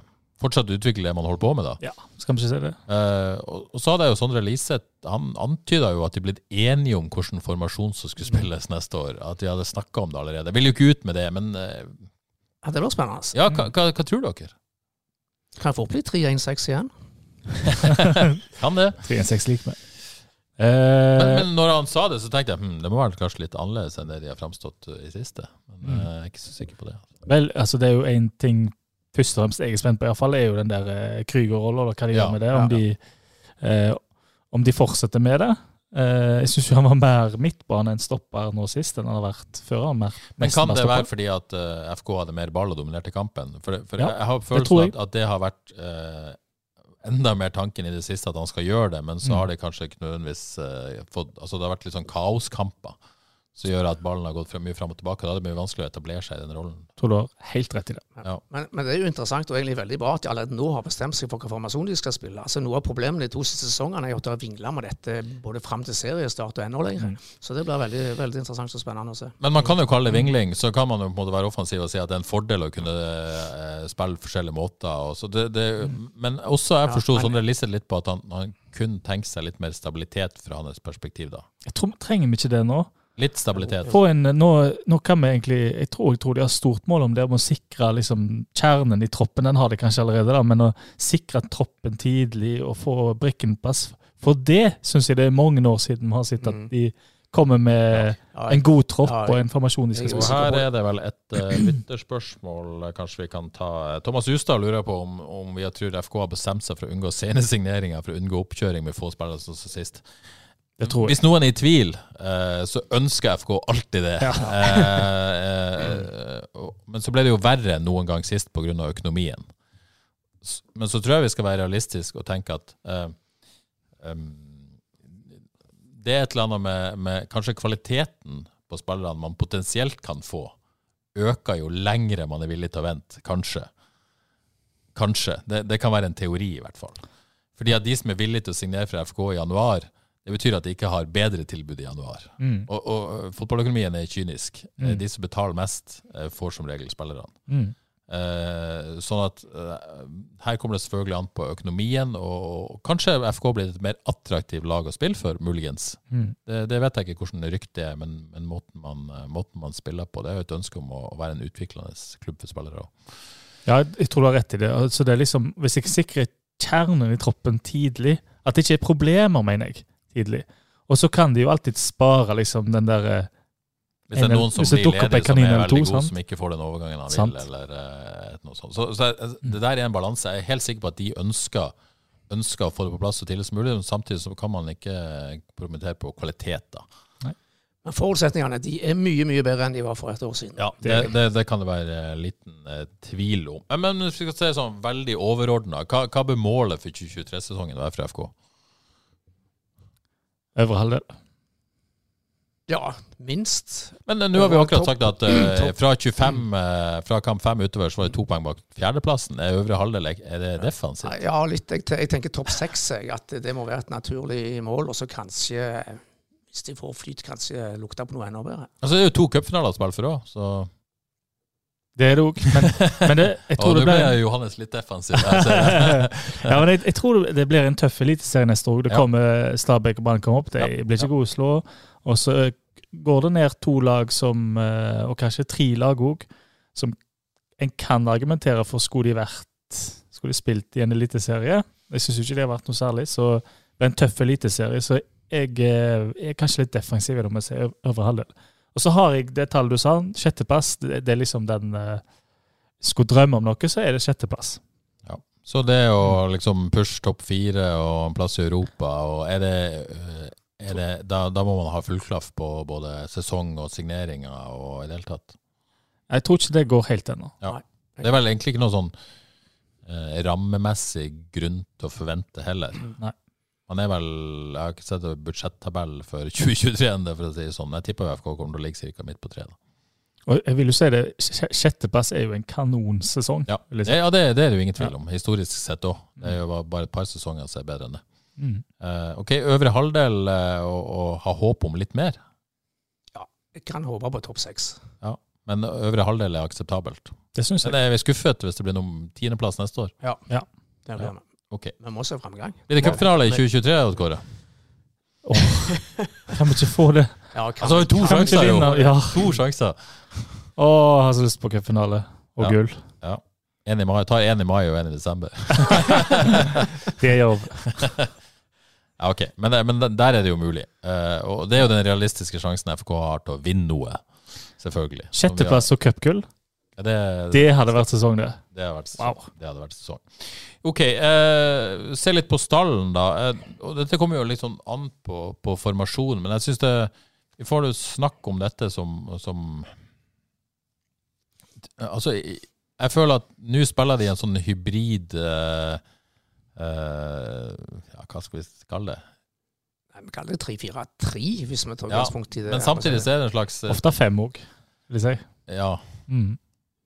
Så det er Hvis de har motstandere sette veldig gode vinger, så havner ofte vingbekkene wingbackene nede som backer, og da blir det fem år bak. Så det, 2-5-3 kan man kalle det, og man kan kalle det mye rart. det kan man. Så, så det er egentlig ikke så viktig. Men hvis vi tenker i utgangspunktet at det, det blir omtrent som, som i år, da. Uh, hvis vi tar jeg tror det er enklest å ta posisjon for posisjon. Mm. Eh, så skal vi ikke bruke, dra dette veldig ut, men eh, en kjapt gjennomgang av stallen. Uh, Keepere har vi jo, eh, har vi jo Selvik og Stople. Så jeg bare sier kjapt, så, så tipper jeg Stopple skal lånes ut neste år. Enig i det, Kåre? Etter det Ja, det har han, et sterkt ønske om sjøl òg. Ja, sånn at eh, eh, da må man i hvert fall ha en, en, en keeper inn som skal være uh, reserve. Mm. Uh, og Ja, de er vel ikke helt klare, enn Østrått og Nei, Jeg tror han er litt ung ennå. Eller Han er Fausganger, for den saks skyld. 2005, og han er 2008, så det tror jeg er litt vel ungt. Eh, så jeg tipper de vil ha inn en, en keeper som kan stå hvis Selvik blir suspendert eller Solgt. Solgt, ja, men jeg, jeg tror ikke et keepersalg skjer før til sommeren eventuelt. Enig. Eh, jeg tror ikke januarvinduet ja, januarvindu er ikke klassisk sånn keepervindu. Nei. Så, så at Egil Selvik kan bli et salgsobjekt, ja, men det tror jeg ikke skjer eventuelt før til sommeren. Så uh, Selvik blir, Stople Men jeg tror det skjer til sommeren. Ja, det? det. Landslagsspillere nå. Og, og da kan jo FK være i en situasjon at de har en keeper Mm. i Frank Stople. Ja. Så det er jo ganske fin posisjon å være i. Få se om han eh, gjør det bra på utlandet. Jeg håper han lånes ut til, til, til for spill i, i, eh, i Hobos, i hvert fall. Han trenger noe eh, mer enn det han har hatt i år. Ja. Så det, det tipper jeg skjer. Ok, Uh, Midtforsvaret, da. Uh, hvis vi ser på Midtforsvaret som en, som en enhet, da. Uh, der er jo Klaus klar, uh, og så er jo alle videre under kontrakt, de som er der. Uh, ja. Hva, hva må FK ha mer? Det er vel spørsmålet her. Eh, I utgangspunktet nei, mener jeg. Jeg mener de er godt, eh, godt skodd på, på å stå på plass. Men det er klart du altså, Du har jo alltid noen drømmer om noen som er bedre. Men jeg, jeg, jeg, jeg syns ikke de trenger å hente en ny midtstopper med de de har nå. Mm, jeg tror Jeg mener kanskje ja. Jeg tror ikke eh, Krüger ryker i et vintervindu, gjerne. Jo, men tror du FK spiller eh, sånn som de gjør hvis Kevin Krüger blir solgt? Det er et godt spørsmål. Ja. Et veldig godt spørsmål. Kan Magnus Christensen spille sånn? Jeg tror ikke det. Nei.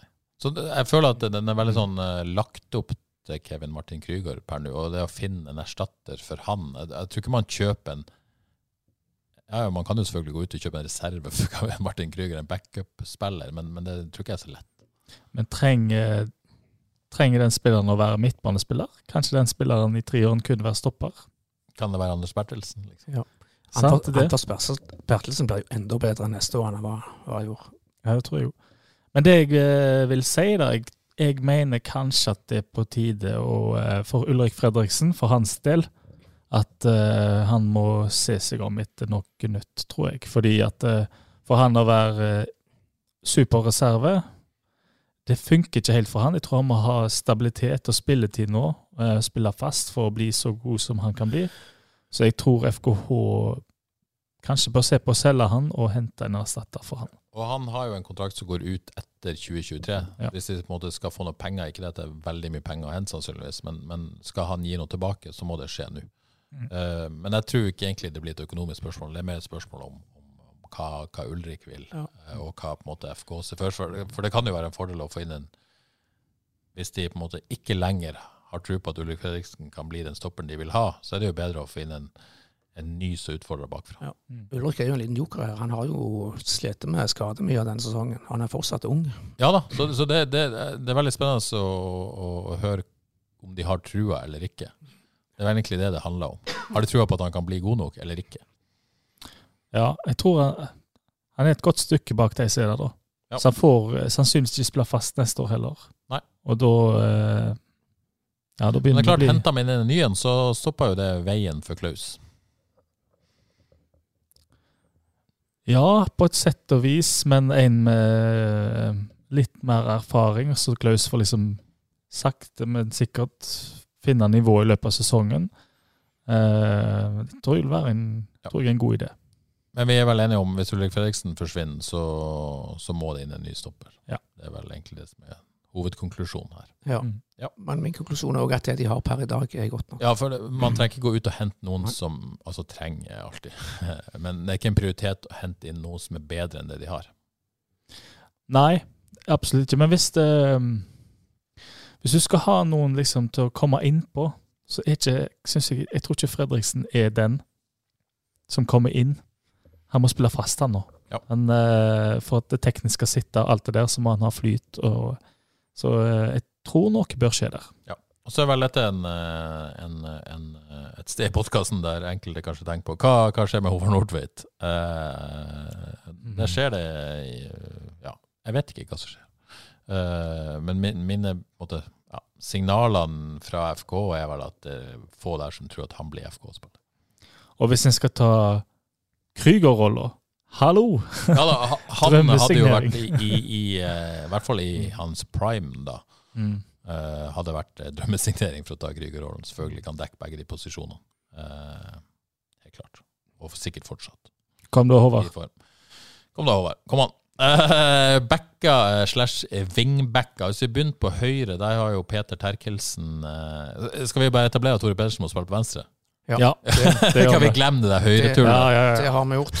Det er helt umulig å passere, og bra offensivt venstre. Ja, det, Ferdig. det, det, og, og blitt bedre. Ok, la oss ta venstre først. Tore. Ja. Bli da, Tore. Kom Bli. an. Ja, det er vi enige om. Bli, Tore. Ja.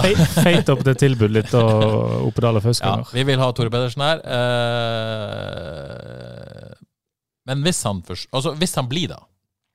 Er, er vi good, da? FK good på venstresida? Ja, Det vil jeg si. Ja. Ja. Ja, definitivt. Da er det ikke det å tenke Og det glemte vi faktisk litt i stopperdiskusjonen. diskusjonen. Valstad, sant? Ja, er et kan godt ta- poeng. Mm. Kan, kan spille venstre. Glemte det helt ut. så et alternativ kan jo være å hente en ny venstre og, og la Valstad bli, bli stopper, da. Hvis Ja. Fredriksen forsvinner. Ja, Det syns jeg nesten er bedre Ja, Det, det kan være det. Sånn sett så kan en jo, hvis en gjorde det, så kan en jo slippe Fredriksen uten å, å måtte hente en ny stopper. Opp. Yes, det er det som er. Mm. Det er, en, det er en mulighet hvis man ser den veien. Men nå har jo ikke vi sett uh, Valstad som stopper i FK. Ja. Nei, Så ti om, minutter. om trenerne tror på det eller ikke, det Han er venstrefot. ja, jeg, jeg vet at Jostein Grinaa han sa til meg, for jeg vurderte å lage en sak på Nicolas Valstad, så jeg intervjua Jostein Grinaa om Nicolas Valstad. Jeg kommer noen upubliserte sitater. Da, da, da sa han at han kan spille venstrestopper. Sa han det? Ja. Bra. Sånn at, eh, men, men eh, vi har jo ikke sett det. Ok, men uh, Tore forsvinner, da må han ny inn. Ja, hvis det skjer. hvis Mm. Tore blir, så, så er FK good. Så er det høyresida. Der, der har jo Peter Terkelsen vært klink. Eh, og så er jo Peter Terkelsen sånn egentlig midtbanespiller, da. Eh,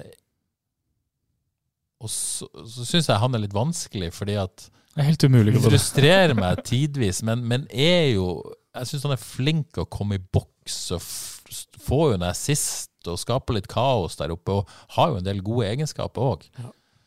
Men er det, er det bra nok?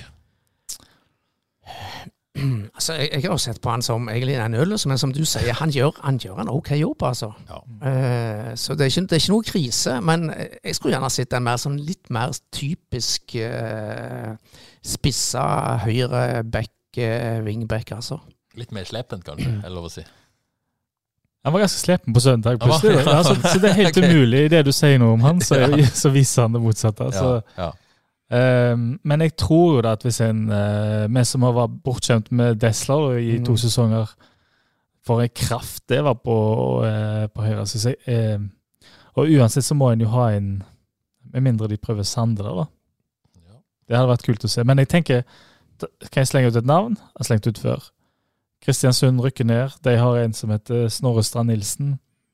Jeg tror eh, Hadde en fått inn en spiller som han, så hadde på en måte du hadde, en hadde sett en forskjell. da.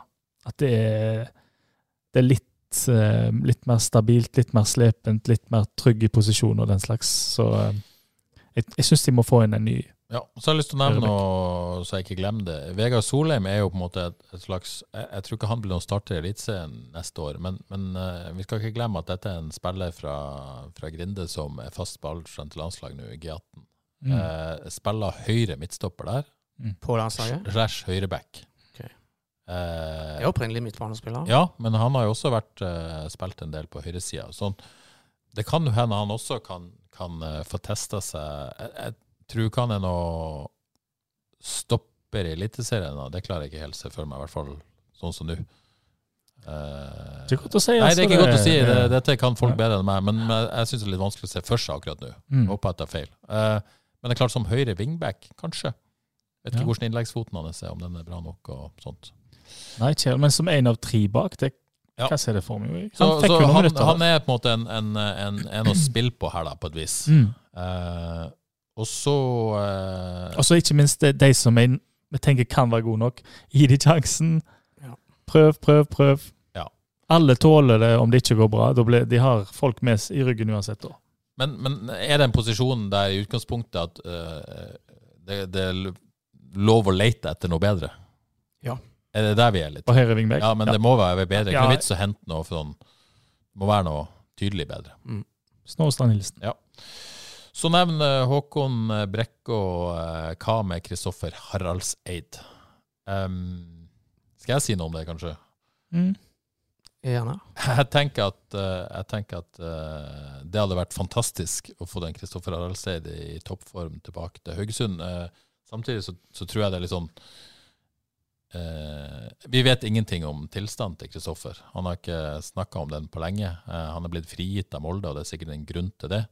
Eh, han har ikke spilt fotball på nesten tre, to, to sesonger, i hvert fall. To hele sesonger han har mista. Det å tro at han skal eh, være klar til å dominere, eller være god nok til å starte Eliteserien neste år, på en måte litt sånn Skulle ønske at det, det skjedde, for å si det sånn. Men, men ut fra det vi vet nå, så vet vi jo ikke nok om, om det. Det eneste vi vet, er at uh, han ikke har spilt fotball på to år. Og da, da blir det jo vanskelig.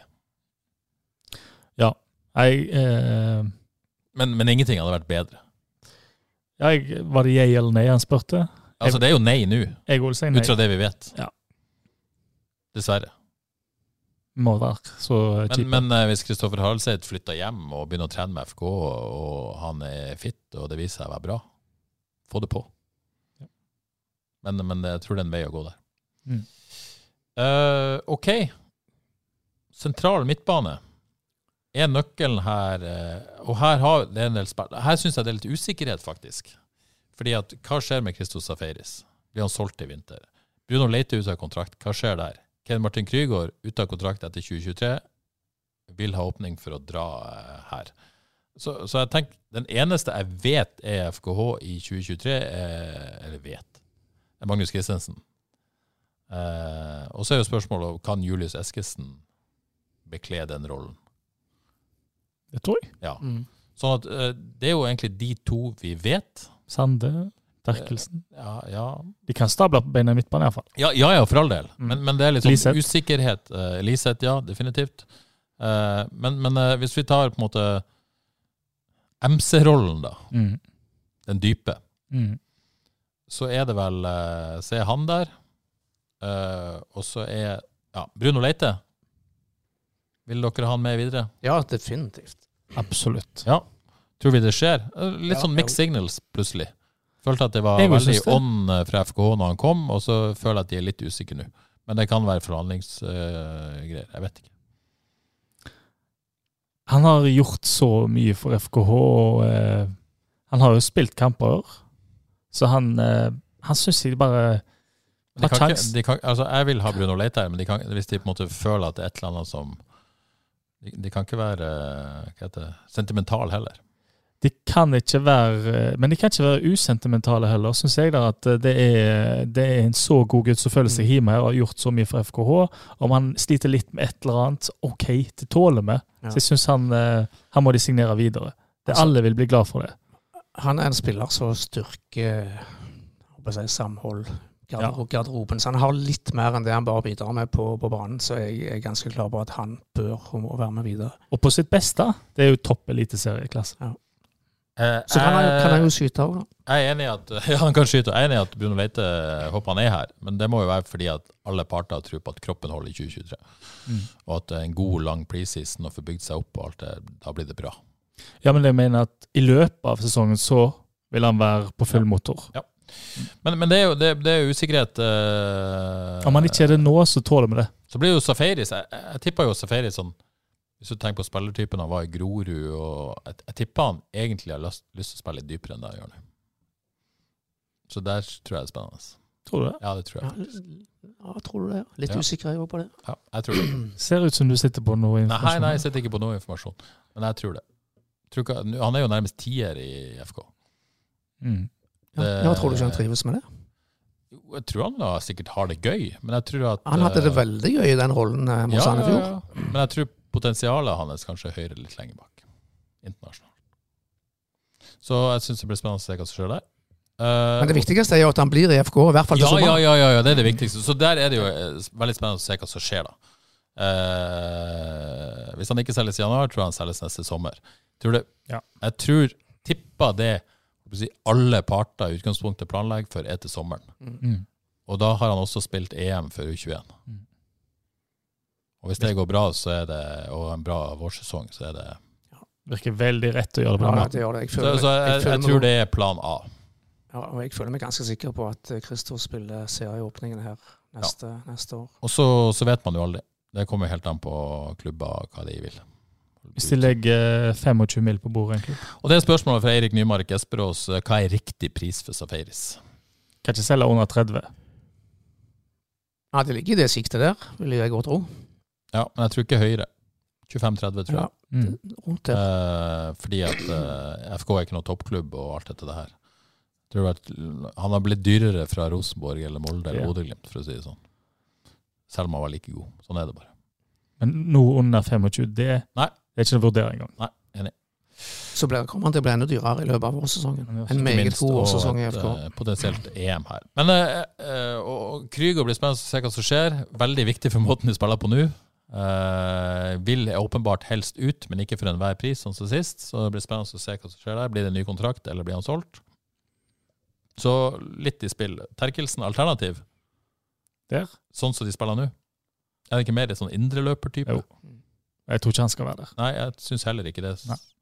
Da må det bli mer 4-3-3-variant som, som eh, Mm. uh, Så har man jo Naustdal på bok, holdt på å si. Det er vel grunn til å tro at han bytta beite kanskje permanent Det tror jeg. i vinter. Ja. Naturlig å tro. OK. Uh, Liseth. Han er jo helt umulig å plassere i en eh, spillerbåskategori. Eh, og det kommer jo helt an, på, helt an på hvordan man spiller. Men hva, hva tror dere om Sondre Liseth inn i dette laget, som har sett i Ja, det snakket vi vel om for to uker siden. Ja. Og da sa vel jeg i hvert fall at eh, enten spiss alene eller sammen med, med Søder. Jeg, jeg ser for meg eh, Søder og Liseth begge to på banen.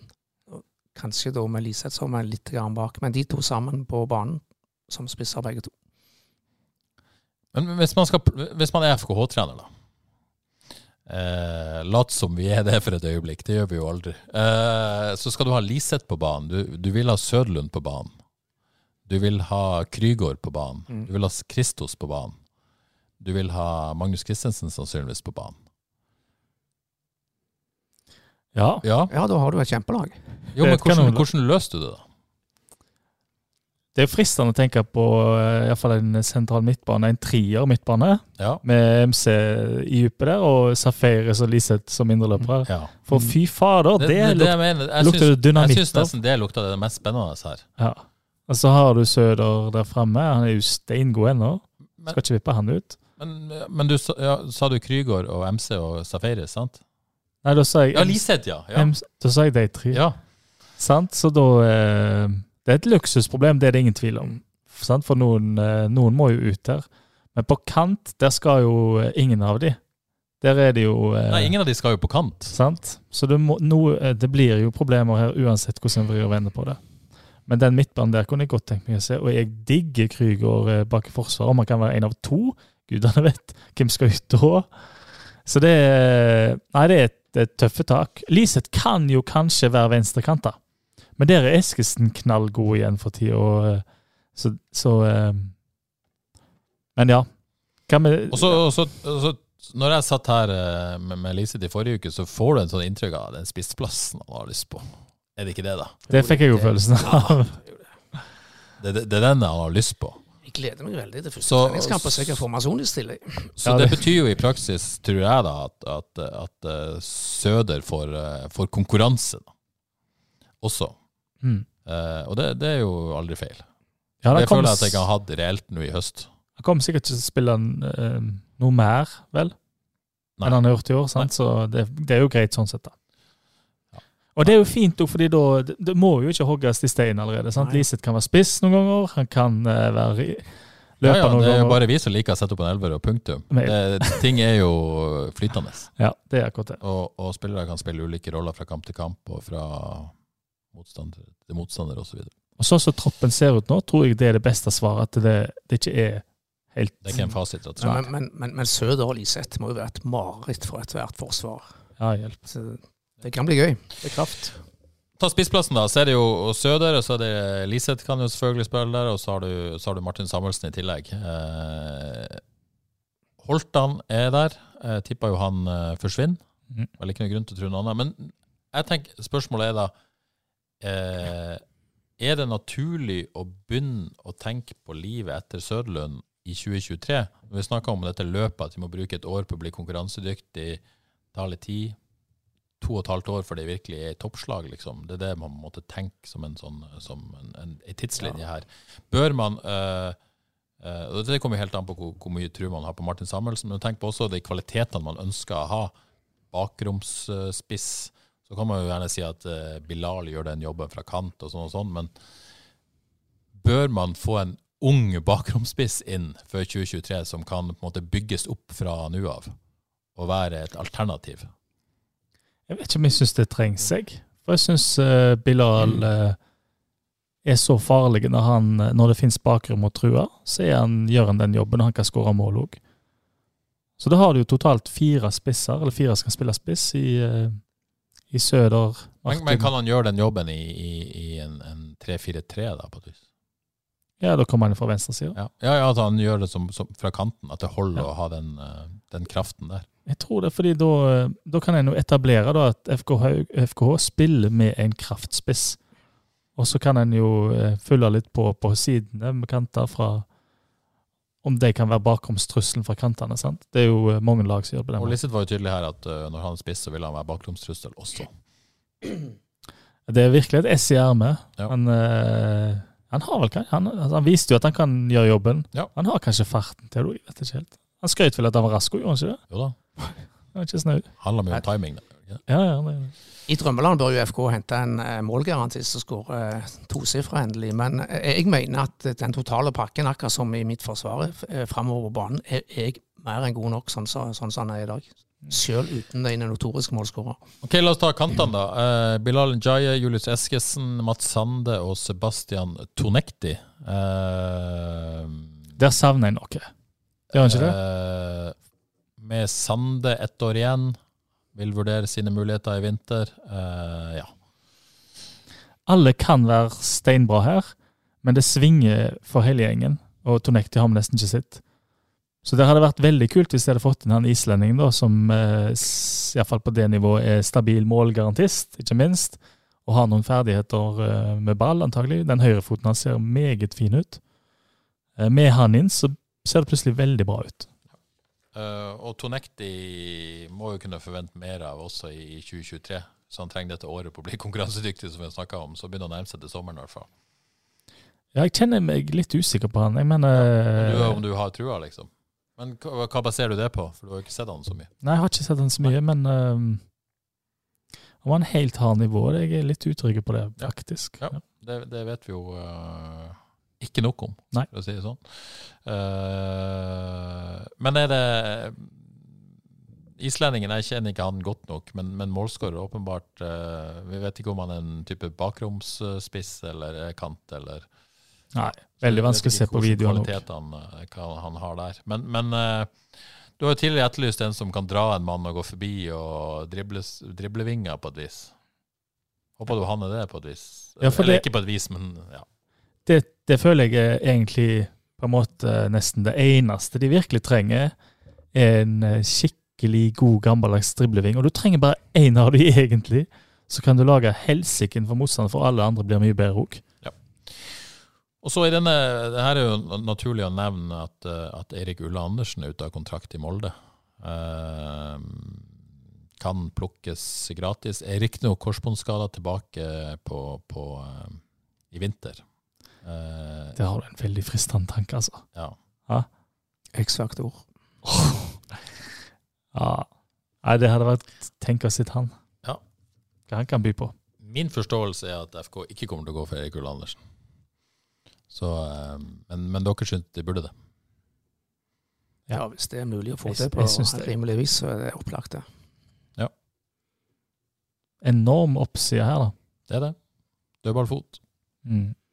Men eh, er det eh, Hvis FK ikke går for det, hva er det alder, da? Er det skadehistorikk? Er det, De to, ja. det er de to tingene som gjør eh, peker imot? Hvor gammel er han nå?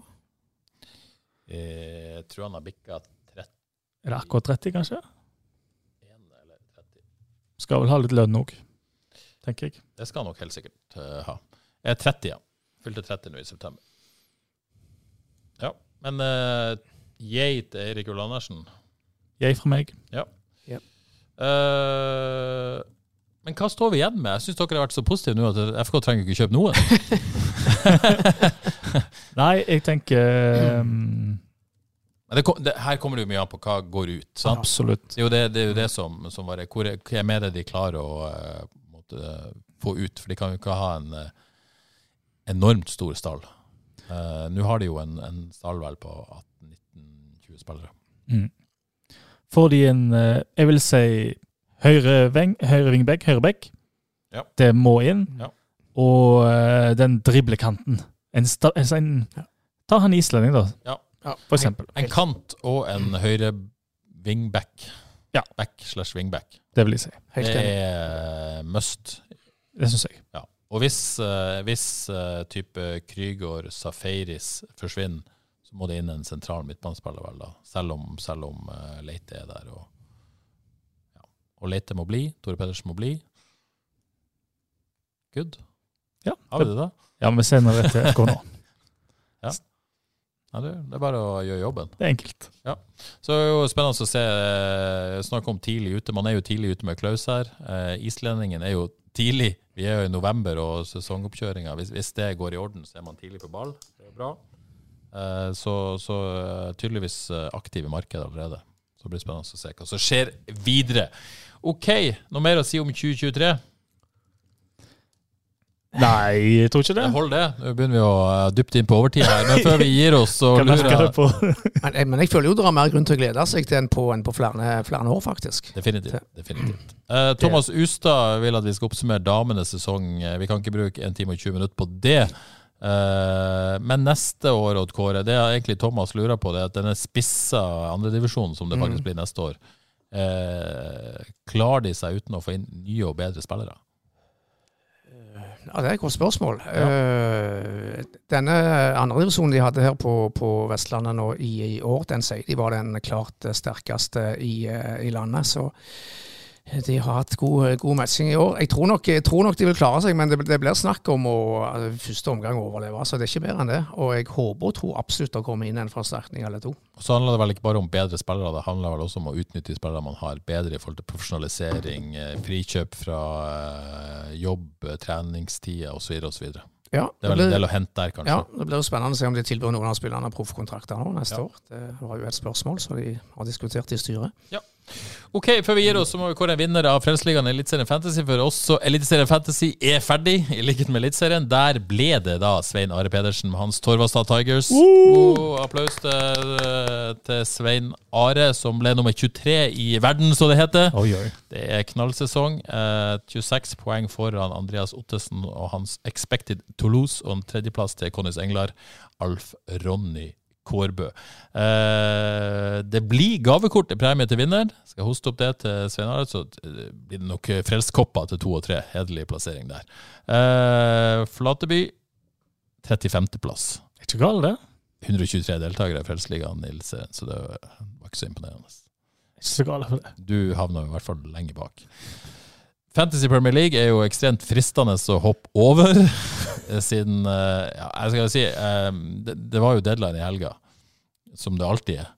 Uh, satt på do der i London og skulle gjøre siste endringene, og så uh, trodde jeg det var klokka tolv, som det pleier å være, og så var det selvfølgelig klokka elleve. Så det, Mm. akkurat når jeg skulle gjøre bytte, så var fristen over. Så der og da bestemte jeg meg for ok, jeg skal ikke la det fantasy-driten ødelegge helga mi. Så jeg sjekka det faktisk ikke før i dag. Det var helt skandale. Så nok om det. Men uh, der har vi en ny leder i Fantasy Premier League, Frelst, Morten Torkelsen, og hans Supersuckers leder uh, Frelsesligaen. eh, Ti poeng foran Øyvind Kjerransen og hans eh, Bakerøy eh, Berserkers 2. Og Euforia med Kim Bol Pedersen på tredjeplass. Men der er det heldigvis lenge igjen. Kan bare gå én vei for enkelte. Husebø, du, jeg sjekka det når jeg glemte, men du, du ligger bak meg. Det får være bra. Men eh, du, eh, du tok faktisk innpå meg denne runden. Det. Ja, det gjorde du. Ok, det var absolutt det vi hadde for denne gangen. Håper dere har kost dere med denne oppsummeringa av eh, 2022-sesongen. Og håper dere gleder dere til 2023 akkurat sånn som oss. Lykke til til Avaldsnes på lørdag. Og Eirik Mæland og Kongsvinger på onsdag. Ja, Eirik Mæland, ikke minst. Onsdag, onsdag og lørdag. Onsdag og lørdag. Mm. Det blir eh, strålende fotball, ass. Hva skulle vi gjort uten? Jeg vet ikke. Nei, ikke heller. Så begynner det et VM på søndag. Ja, det gjør det òg. Du burde jo hatt en VM-spesial. Hvem vinner VM? Jeg kjører romantikeren. Argentina. Messi. Siste VM. Ja, det hadde vært veldig Det, men jeg heier som alltid på England. Sånn er det bare. Frankrike må vel være liten favoritt, må han ikke det? De må vel kanskje det. England. Ja, altså, hvis ikke, ja, det er jo de man heier på. Ja. For det. Oh my god, nå har vi snakka lenge. Takk for deg som hørte på helt til nå. Du er spesiell. Eh, det er vi veldig glad for. Eh, vi er tilbake om ei uke. Ha det bra.